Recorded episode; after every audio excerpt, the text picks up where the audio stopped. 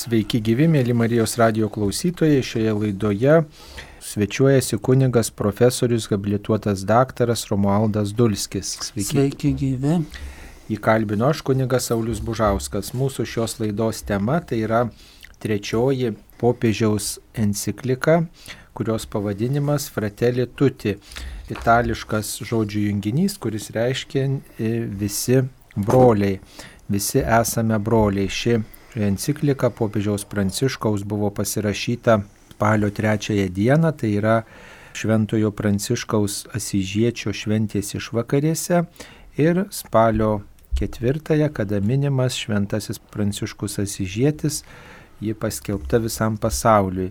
Popiežius neatsitiktinai turbūt pasirinko Asyžių tam, kad pasirašytų šią encikliką, nes ji skatina brolystę, socialinę draugystę. Tokia šios enciklikos tema. Tai yra 12 socialinė enciklika nuo popiežiaus Leono XIII laikų, kai buvo pirmą kartą 1891 metais parašyta enciklika Rerum Novarum, pradėjusi socialinių enciklikų seriją.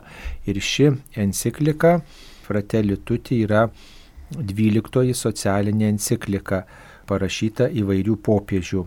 Šis popiežius Pranciškus jau yra parašęs trečiąją encikliką, primenam, kad pirmoji buvo apie tikėjimą, parašyta 2013-aisiais, vadinosi Lumen Fidei, 2015-aisiais išleista enciklika apie pagarbą kūrinyjai, Leudato Si ir štai šioji, išėjusi spalio mėnesį, Fratelli Tutti. Ir Joje kalbama apie brolybę ir socialinę draugystę. Galima sakyti, tokia gana nauja tema enciklikose šmėžuojanti ir ta brolystė, draugystė yra pakeliama iki tokio oficialaus mokymo ši tema. Ką dar jūs naujo radote šiame dokumente? Peržiūrėjau iš tikrųjų nemažai komentarų internete, kurie įvairių dalykų pastebi daug teigiamų, kai ką iš savo požiūrio taško parodo, kas galėjo galbūt dar tilpti ar būti kaip nors pastebėta, bet ką galėčiau pastebėti iš savo požiūrio, tai man atrodytų, kad popiežius ateina kaip tas, kuris pažįsta visas socialinės problemas, kadangi Pietų Amerika yra iš tikrųjų regionas, kur socialinė problematika turi labai aštrių neišspręstų klausimų ir tie neišspręsti klausimai jie sukelia daug kančios. Tas popiežiui Pranciškui yra labai gerai žinoma. Ir dėl to e, ta toks, lik toks gražus pasakymas, visi broliai, iš tikrųjų jis remiasi į tą skaudžią tikrovę ir tą rodo enciklika, kad popiežius išvardina daug visokiausių negerovių ir kai kurie komentatoriai sako, kad net toks pesimistinis akcentas. Taip pat pirmajame skyriuje, kuris taip ir pavadintas uždaro pasaulio šešėliai.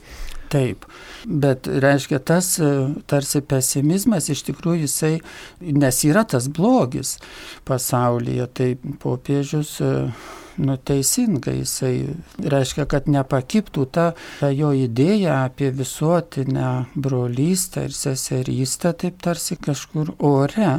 Ir jis, kai kalba, negali praeiti pro pandemijos klausimą, žinoma, tai sako, kasgi yra blogiau už pandemiją. Ir čia pateikia atsakymą, kad tai solidarumo nebuvimas reiškia tokio solidarumo, kai e, kiekvienas žmogus žiūri savo tik tai naudos, savo gėrio. Aišku, jis turi, turi galvo ir pasako, kad tai pirmiausia kalba apie turtinguosius, galę turinčiuosius, kurie to tikro solidarumo su vargingaisiais nu, neturi. Ir tai yra daug svarbiau negu ta mus varginanti šiandieną pandemijos. Šiame pirmajame skyriuje įdomu, kad popiežius konstatuoja, jog yra iškraipomos šiais laikais laisvės, teisingumo, demokratijos savokos. kitaip sakant, popiežiui šiais laikais prikišama, kad štai jisai vat, per nelik laisvai kalba, o popiežius kaip tik kalba apie tą pavojų, kad mes laisvę kartais iškraipom iškraipom neteisingai traktuodami ir taip pat kalba apie savanaudiškumą, abejingumą bendrajam gėriui, apie tam tikrą atskirtį, nevienodas teisės, priekybą žmonėmis, vergovę ir moterų išnaudojimą. Vat čia atrodo, kad visos šitos problemos ir dar daugiau jų tęsiasi metai iš metų ir kokios galimos išeitys, ar popiežius pasiūlo na, kažkokią išeitį iš tų šešėlių karalystės šioje enciklikoje kalbėdamas apie privačią nuosavybę, kuri yra ir bažnyčios socialinio mokymo toks atraminis taškas, jisai naujai ją interpretuoja.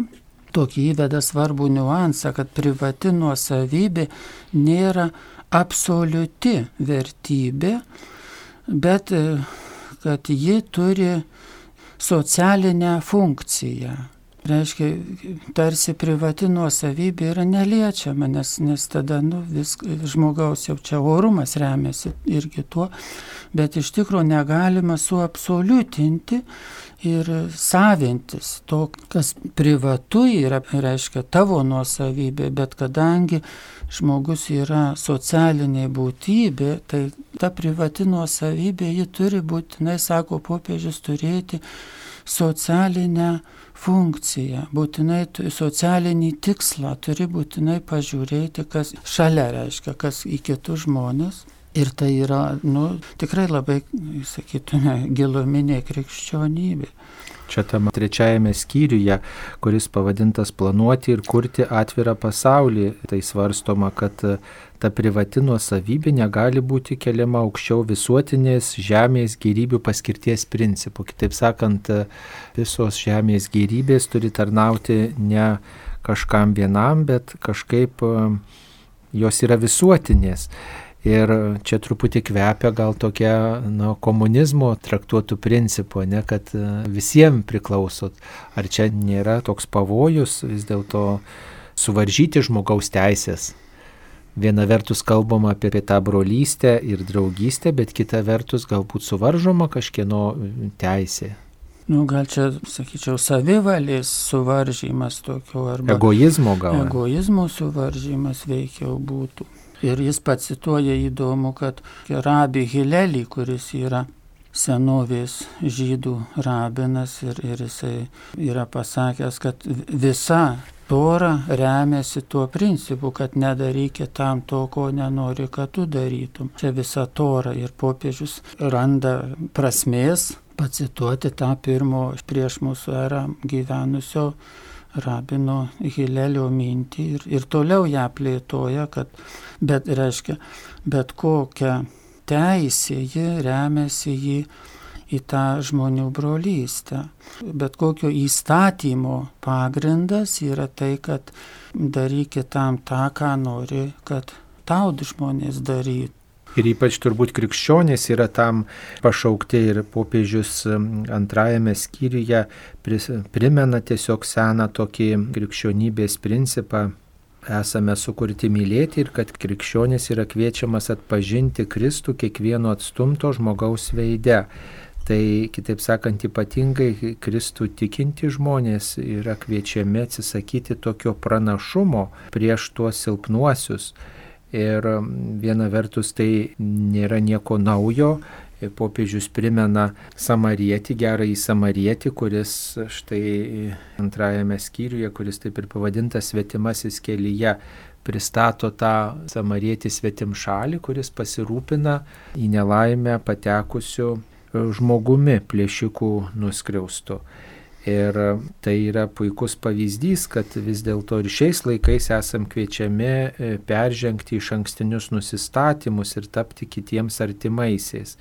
Tačiau vis tiek turbūt daugelis žmonių šiais laikais e, jaučia vis tiek pranašumą, daugelis valstybių jaučia pranašumą prieš tas vargingasias ir toks vat popiežiaus išsakytas konkretus pasiūlymas dėl skolų, kurias turi įsiskolinusios valstybės geriau gyvenančiom valstybėm yra labai, na, toks labai praktiškas ir išmintingas, kad e, popiežius primena, jog skola turi būti sumokėta, tai yra galiojanti neginčiama taisyklė, tačiau įsiskolinimo mažinimas turi būti tvarkomas taip, kad nekeltų pavojaus vargingiausių šalių egzistencijai ir plėtrai. Kitaip sakant, reikalauti skolos yra teisinga, išmintinga, tačiau ne iki tiek, kad tą, tą žmogų visiškai, tą šalį visiškai prie e, skurdo, prie tokio bankroto privestume. Tai tiesiog tas santykių etikos klausimas siūlomas. Gal apie tai kažką daugiau galėtumėt pasakyti, apie traptautinių santykių etiką, ar tai yra nauja dokumentuose, bažnytiniuose dokumentuose, toks principas, kuris. Taip, tą apie skolas jau popiežius yra minėjęs kitomis progomis. Tai tą mintį dar kartą užtvirtina, pakartoja ir, ir beldžiasi šiuo aspektu į, į turtingųjų šalių sąžinės. Ir tas toliau yra apie, gal dar prieisime apie tą politinę meilę, kur popiežius kalba. Bet dar norėjau pastebėti tą popiežiaus susitikimo kultūrą, kuri irgi čia į mūsų bendrą temą labai įeina ir lyg tokia nauja savoka įvesta susitikimo kultūra ir popiežius visų brazilų džiaugsmui pacituoja jų mėgiamą dainą, daino žodžius gyvenimas, nežiūrint visų konfrontacijų, yra susitikimo menas. Ir tada jis plėtoja apie tai, kad tas mūsų nususitikimas, jis e, pranoktų skirtumus ir pasidalinimus, kad tai susitikimas nebūtų skirtumų pabrėžimas ir pasidalinimų, bet kad iš susitikimo mes visi išeitume turtingesni.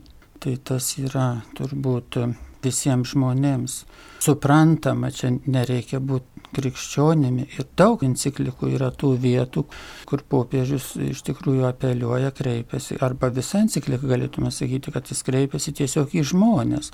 Nespecifiškai į krikščionis, bet e, į tokią universalų pobūdį. Ta enciklika, sakytume, turi, nu, kaip ir praeita, liaudatosi Ir jos stiprybė turbūt čia ir, kad popiežius nori, nori prabilti ir prabyla į kaip e, tas didysis imamas, jo cituojamas enciklikoje net penkis kartus, sako popiežius prabyla į visus geros valios žmonės. Ir net taip pat cituodamas savo kalbą Latvijoje, Rygoje, kai lankėsi, prieš du metus popiežius kalba apie Evangelijos muziką, kad tegul skamba Evangelijos muzika. Bet e, kokia ta Evangelijos muzika šiam kontekste, tai yra žmogaus orumo ir brolybės ta muzika ta Evangelija, tai yra ten, kur yra žmogaus orumas ir brolybė.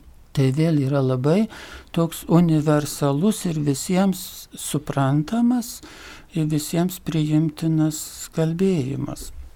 Na ir taip pat tą susitikimo meną ir tą tokią Evangelijos muziką popiežius taip pat sugretina su švelnumo stebuklu. Visiems mums reikia švelnumo stebuklo. Tai tas Evangelijos taikymas gyvenime, tas susitikimo menas turbūt neišvengiamai jis turi provokuoti švelnumo stebuklą pagal popiežių. Taip, ir tas, e, tas švelnumas vėl jisai toks čia, jis ir su išmintim susijęs, ir su tokiais protingais ir reikalingais sprendimais. Tai tai nėra toks, sakytume, šeimininis turbūt švelnumas, bet socialinis. Ir šiam kontekste ta politinė meilė, kaip popiežius sako, tai reiškia, kad politikai, jis apeliuoja, kad politikai savo politikoje vadovautųsi artimo meilę. Ir vėl čia neturi galvoj, vat krikščionis tik tai politikus, bet visiems kalba. Ir kad ta meilė, kaip sakytume, artimo meilė, kaip mes pripratę ir popiežius tą paminį, kad nu lyg pripratę taip pat šeimoje, arba tarp draugų, arba tarp kažkokiuose bendruomenėse nedidelėse Bet jisai sako, ne, bet reikia, kad artimo meilė makro santykiuose būtų, socialiniuose, ekonominiuose ir politiniuose. Makro, reiškia, didelės apimties tokiuose santykiuose ir reikaluose, kurie liečia visą visuomenę, ir kad jie būtų, reiškia, dėmesingai galėtume tą švelnumo savoką sakyti dėmesingai į visą visuomenę, kaip į, kad tai tavo broliai seserys, atsižvelgti. Ir pati politika, o popiežius padaro tokį turbūt mums ir lietuviams svarbu pastebėti skirtumą, nes mes vis dar tą, kas ta politika reiškia, gal čia labai purvinas dalykas, Tai popiežius atskiria, kad sako, yra partijų politika, taip, apie kurią jis nieko blogo taip pat nepasako, čia viskas gerai, partijų politika, bet jisai kalba apie tai, kaip bažnyčia turėtų dalyvauti ar kaip politikoje. Ir tada sako, partijų politika tikrai ne bažnyčios reikalas, bet yra kita politika, politika, kuri liečia patį gyvenimą kuri kalba apie bendrą įgėrį ir apie žmonių vystimąsi, ugdymą arba pagalbą tiems e, vargingesniesiems. Ta politika, e, ji yra visų reikalas ir Ir būtume kaž, kažkokie abejingi, jeigu jo, nuo jos nusišalintume. Ir bažnyčia turi teisę į tą, į tą politiką, kuri yra kaip į visuomenės gėrį atgręžta turi teisę ir pareigą joje dalyvauti, dėl jos pasisakyti. Ir manau, kad tai ir mums labai gerai visiems e, žmonėms turėti tuos du lyg tokį dviejų pareiškia tą politikos matymą, kad ji ir tokia, ir tokia. Ir, kaip sakiau, popiežius ir tos partijų politikos, jis irgi nepeikia kaip nors, nieko nepasako neigiamų. Na, man tai užstrigo tokia mintis, kad popiežius mini, jog pasaulyje daug populizmo ir žmonės traktuojami kaip daiktai. Daug kas traktuoja žmonės kaip na, tokią priemonę savo tikslams pasiekti. Taip sakant, žmogus tampa daiktų ir, ir turbūt ir politikams tas e, aktualu, nes e, apie politikus šio laikinė politika turbūt tai irgi kalba, jog dažnai žmogus tampa tarsi įkaitų. Dar viena tokia mintis, kad, kad politika turėtų pirmiausiai rūpintis, jog kiekvienas žmogus galėtų dirbti. Darbo vertę tokia pabrėžia kaip įsigelbėjimą nuo skurdo, nuo, nuo vargo. Mm, tai ne tik tai duoti kažką žmonėms mm, duonos kasnį, bet duoti žmonėms darbo, mm, sudaryti sąlygas, kad žmonės galėtų dirbti. Kaip va, šitą mintį jūs galėtumėt pakomentuoti, ar tai nauja yra ir, ir kuo tai gali būti aktualu mums. Tai žinoma, čia turbūt susiję su ta tokia makro požiūriu didelių dalykų matymu, nes duoti reikia tada, kai jau pažeista socialinis teisingumas turbūt ir iš popiežiaus galima būtų tą išskaityti, ar mes patys tą galim pasakyti irgi, kodėl atsiranda vargšai visuomenėje. Dėl to, kad yra kažkokia neteisybė visuomenėje, kad yra korupcija, kažkas susikrauna pinigus, kaip sakant, į savo kišenes kažkokias tai. Ir tie pinigai e, nenueina į ekonomikos vystymui ne, ir galų gale nepasiekia dalies žmonių, kur teisėtai turėtų pasiekti. Ir demokratinės valstybės šitą klausimą yra sėkmingai arba išsprendusios, arba sėkmingai nu, niekad iki galo čia nėra turbūt to išsprendimo, bet tuo keliu demokratinės valstybės eina Ir popiežius nebereikalo prašneka apie totalitarinės sistemas ir pacituoja Joną Paulių II ir pasako, kad totalitarinės sistemos iš esmės jos reiškia, jų pamatas yra nepagarba transcendentiniam žmogaus orumui. Ir mūsų taip pat Lietuvos visuomenėje mes dar matome tokių, kad o, o tai gal ten ir neblogai tos totalitarinės valstybės, o ten tvirta ranka valdo, ten krikščionybę gina, ten tiki tie diktatoriai, į bažnyčias eina, meldžiasi tokių nuomonių sklando. Arba tokių, kad tai gal čia krikščionybė nei su demokratija, nei su totalitariniais kažkokiam tokiam tarpiniam variante tarsi. Tai iš tikrųjų popiežius duoda priekaištus tom ir tai demokratijai, kad yra trūkumų. Bet vertinga turbūt, kad jis labai aiškiai pasako, kad totalitarinė sistema, ji iš tikrųjų net nepasirengusi spręsti tų tų problemų, net negalvoja, nes jis, ji iš tikrųjų yra grupuočių naudai sudaryta sistema. Ir joje žmonės taip pat dešimtmečiais vargs ir lauks, kol tos pačios, reiškia, nesugrius. Ir iš enciklikos galime, sakykime, suprasti, kad totalitarizmas autokratinis valdymas jis yra, nu, kaip priešingas krikščionybei popiežiaus vizijoje. Tai svarbu. Tai, tai čia tokie du kraštutinumai. Vienas yra tas autoritarizmas, totalitarizmas, kur žmogaus orumas nevertinamas, bet taip pat yra ir ta rinkos ekonomika taip pat nevertina žmogaus orumo, nes popiežius rašo, kad teisingumo siekianti politika turi būti sutelkta į žmogaus orumą, o ne pavaldi ekonomikai, nes ne viską įmanoma išspręsti naudojant vien rinkos taisyklės. Kitaip sakant, kartais sakoma, kad ekonomika čia svarbiausia ir dėl ekonomikos tenka aukoti net ir kai kurių žmonių gyvenimo situacijas. Taigi turbūt popiežius sako, kad tikrasis teisingumas turėtų paisyti žmogaus orumo tikroji politika ir tai yra raktas padedantis sumažinti skurdą ir ginti žmogaus teisės. Na ir akivaizdu taip pat šiame dokumente, kad popiežius grįžta dar ir prie taikos temos, turbūt neišvengiama, kalbant apie įvairių žmonių sugyvenimą, taikos tema, kuri nėra nauja popiežių socialinėse enciklikose.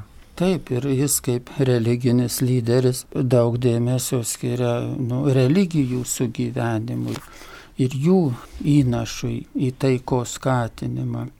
Nes ir, ir šiandien, aišku, jis visų pirma mato tą islamo radikalų priešiškumą krikščioniškoms šalims ir krikščionijai, bet ir, aišku, plačiau, plačiau mato religinių pagrindų kilusius anksčiau karus, konfliktus ir, ir šiandieną dar, kad jie yra ir tada kalba apie sugyvenimą tarp religijų. Ir čia tokį labai stiprų irgi galima sakyti naują dalyką pasako pacituodamas Indijos katalikų vyskupus, kad jie yra pasakę, kad religijų dialogas tai apima dvasinių ir moralinių vertybių įsisamoninimą, pasidalinimą tarp skirtingų, reiškia, religijų dialogo partnerių, dalintis, Indijos viskupai sako, dalintis dvasinėmis ir moralinėmis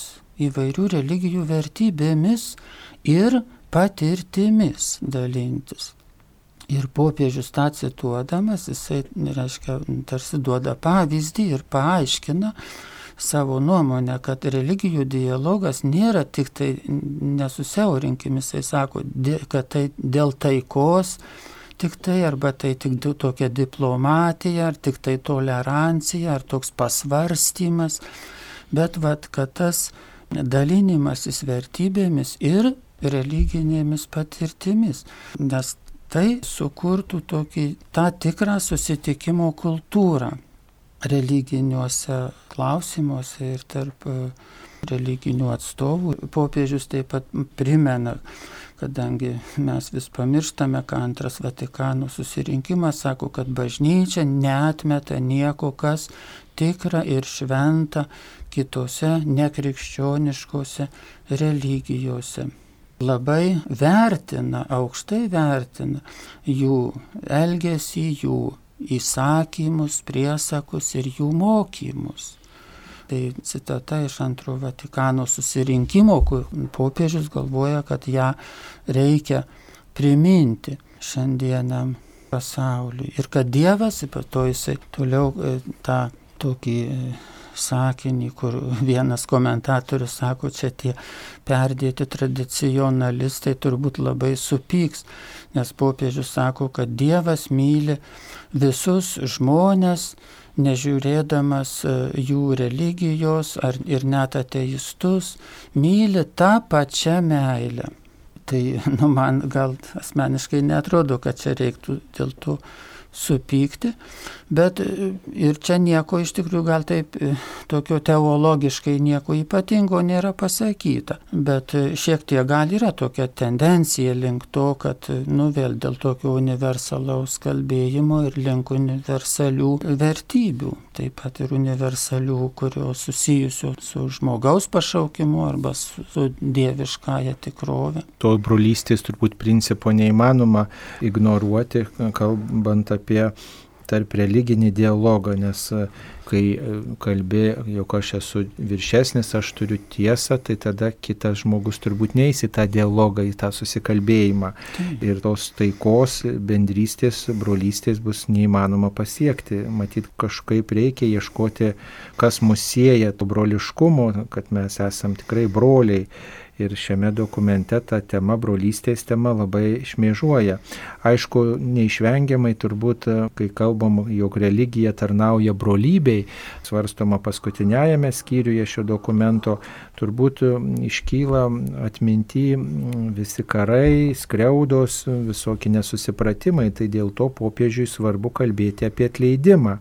Ir šiame dokumente popiežius dar kartą primena, jog atleisti reiškia neužmiršti, bet atmesti greunamąją blogio ir keršto galę. Kitaip sakant, pasirenka dar kartą ir primena, kad atleidimas nėra nebaudžiamumas, nėra kažkoks akių užmerkimas, bet pasirinkimas mylėti, pasirinkimas pastebėti kitame žmoguje grožį ir vertę turbūt tai yra tas kvietimas mylėti ir net savo priešus, kurie nelinkė gero mums. Turbūt tai yra raktas į taiką ir į tam tikrą susikalbėjimą, bendrystę, naujojo susitikimo kelią, susitikimo meną, kaip manot. Tai taip ir, ir tas, kai popiežius kalba apie tai, kas jį įkvėpė parašyti šitą encikliką, tai irgi atsiskleidžia tokia susitikimo ir brolystės panorama, kur aišku, kad jį įjima visokius konfliktų jau peržengimus, pranokimus tokiam geranoriškume. Aišku, jį įkvėpė šventasis Pranciškus Asižėtis ir tas didysis imamas Ahmadas Altaibas, su kuriuo jis anksčiau buvo parašęs bendrą dokumentą. Bet taip pat įdomu, kad pats popiežius pasako, kad jį taip pat įkvėpė dar Martinas Liuteris Kingas, baptistų pastorius Desmondas Tutų, anglikonų arkivyskupas, Nobelio premijos laureatas ir Mahatma Gandhi, didysis Indijos išvaduotojas ir hinduistas. Tai nepaprastai turbūt ir mums tokia nu, paskata net praplėsti savo akiratį ir galbūt galim paklausti, tai kas čia per asmenybės, kuo jos tokios, nu, jos kažką turi savy Ir aišku, popiežius dar pasako, kad ir daugelis kitų išvardindamas yra. Tai ne, ne vienos, bet šios asmenybės, kuo jos ypatingos, jeigu jos net katalikų bažnyčios popiežių 21-ame amžiuje, kai tiek daug jau visko yra, jos davė jam įkvėpimo. Tai tikrai plečia mūsų, skatina mūsų akiratį mus plačiau pažiūrėti. Ir dvi maldos pabaigoje, kurias popiežius pateikia. Ir e, tas labai gražu, kad visos tos enciklikos baigdavosi nu marijologiniais tokiais pamastymais ir atsigrėžimu į Mariją. Bet, Kreipiniu prašymu, kad Marija globotų, taip, lydėtų. Bet dabar popiežius tą tradiciją jau nu praleidžia nes jau ji pasidarė tokia jau, nu, galima sakyti, jau, gal kažkaip ir tokia jau nusibodusi, gal kažkaip turbūt. Ir čia nelabai tiktų šitai enciklikai dėl jos universalumo. Kad jinai skirta ne tik tai katalikams, Taip, bet ir kitų religijų žmonėms. Tai popiežius duoda dvi maldas ir viena malda yra ekumeninė krikščionių malda, kuri tiktų visų denominacijų krikščionims kas kalbėti, reiškia, ten nieko nėra specifinio katalikiško, o kita malda yra į kūrėją, į Dievą kaip tėvą, kuri tiktų visiems, kam Dievas yra tėvas. Reiškia, ji net išeina už krikščionybės ribų, ją galėtų kalbėti visi žydai, musulmonai ir kas, kas tik tik tai tiki Dievą ir jį laiko savo tėvų, bet tai, nu, enciklikos maldos, popiežiaus e, maldos, tai toks labai irgi ženklas turbūt jo noro apglėpti visus žmonės, visiems žmonėms prabilti. Ir kaip jisai tą Šarlį Fuko taip pat pamini enciklikos pabaigoje, kuris norėjo būti visų brolių arba universaliuoju broliu. Tai čia popiežius apie jį kelias eilutes parašo ir galim suprasti, kad ir pats Pranciškus popiežius nori būti universaliuoju broliu sai žmonijai kaip ir šventasis pranciškus buvo brolis visiems. Tačiau kritikai turbūt galėtų pasakyti, ar tas toks universalumas, buvimas brolių visiems, tas atvirumas visiems ir net ir šioje enciklikoje toks skyrius yra visam pasauliu atvira širdis. Šiame skyriuje kalbama apie migracijos problemas, kad esame kviečiami priimti, saugoti, padėti ir integruoti migrantus tas atvirumas, universalumas, ar jisai neišdildo tapatybės. Mes vis tiek eidami į tą broliškumą, eidami į tą tokį dialogą, ar mes neprarandam savo esmės, ar nėra pavojaus to, kad mes iš, ištirpsim su savo savitumu, su savo tradicija gilia. Kritikai dar ką atgręžia, reiškia tą visą kai kurie, ar jie teisūs ar ne, aš jau nesijimu čia spręsti, bet yra tas, sako, reiškia, kad Pranciškus popiežius labai gražiai kalba apie, reiškia, nu, būkit jūs, vat, pasaulio žmonės broliški, politikai broliški, bet jie sako, kaip bažnyčioje ta hierarchija, broliai, broliai, bet hierarchija viską nusprendžia, žinai, jūs būkite broliai, o mes jums pasakysim viską ir už jūs nuspręsim. Tai reiškia, kai kurie kritikai tą sako, kad, nu, bažnyčioje, vat, arba tas tokio dialogo kad kaip popiežius labai daug skiria dėmesio dialogui, susikalbėjimui, išgirdimui kitų, tai kad bažnyčia vis tiek išlikusi tokia labai hierarchiška ir tokia to išgirdimo tų, kurie yra žemiau, jų kaip ir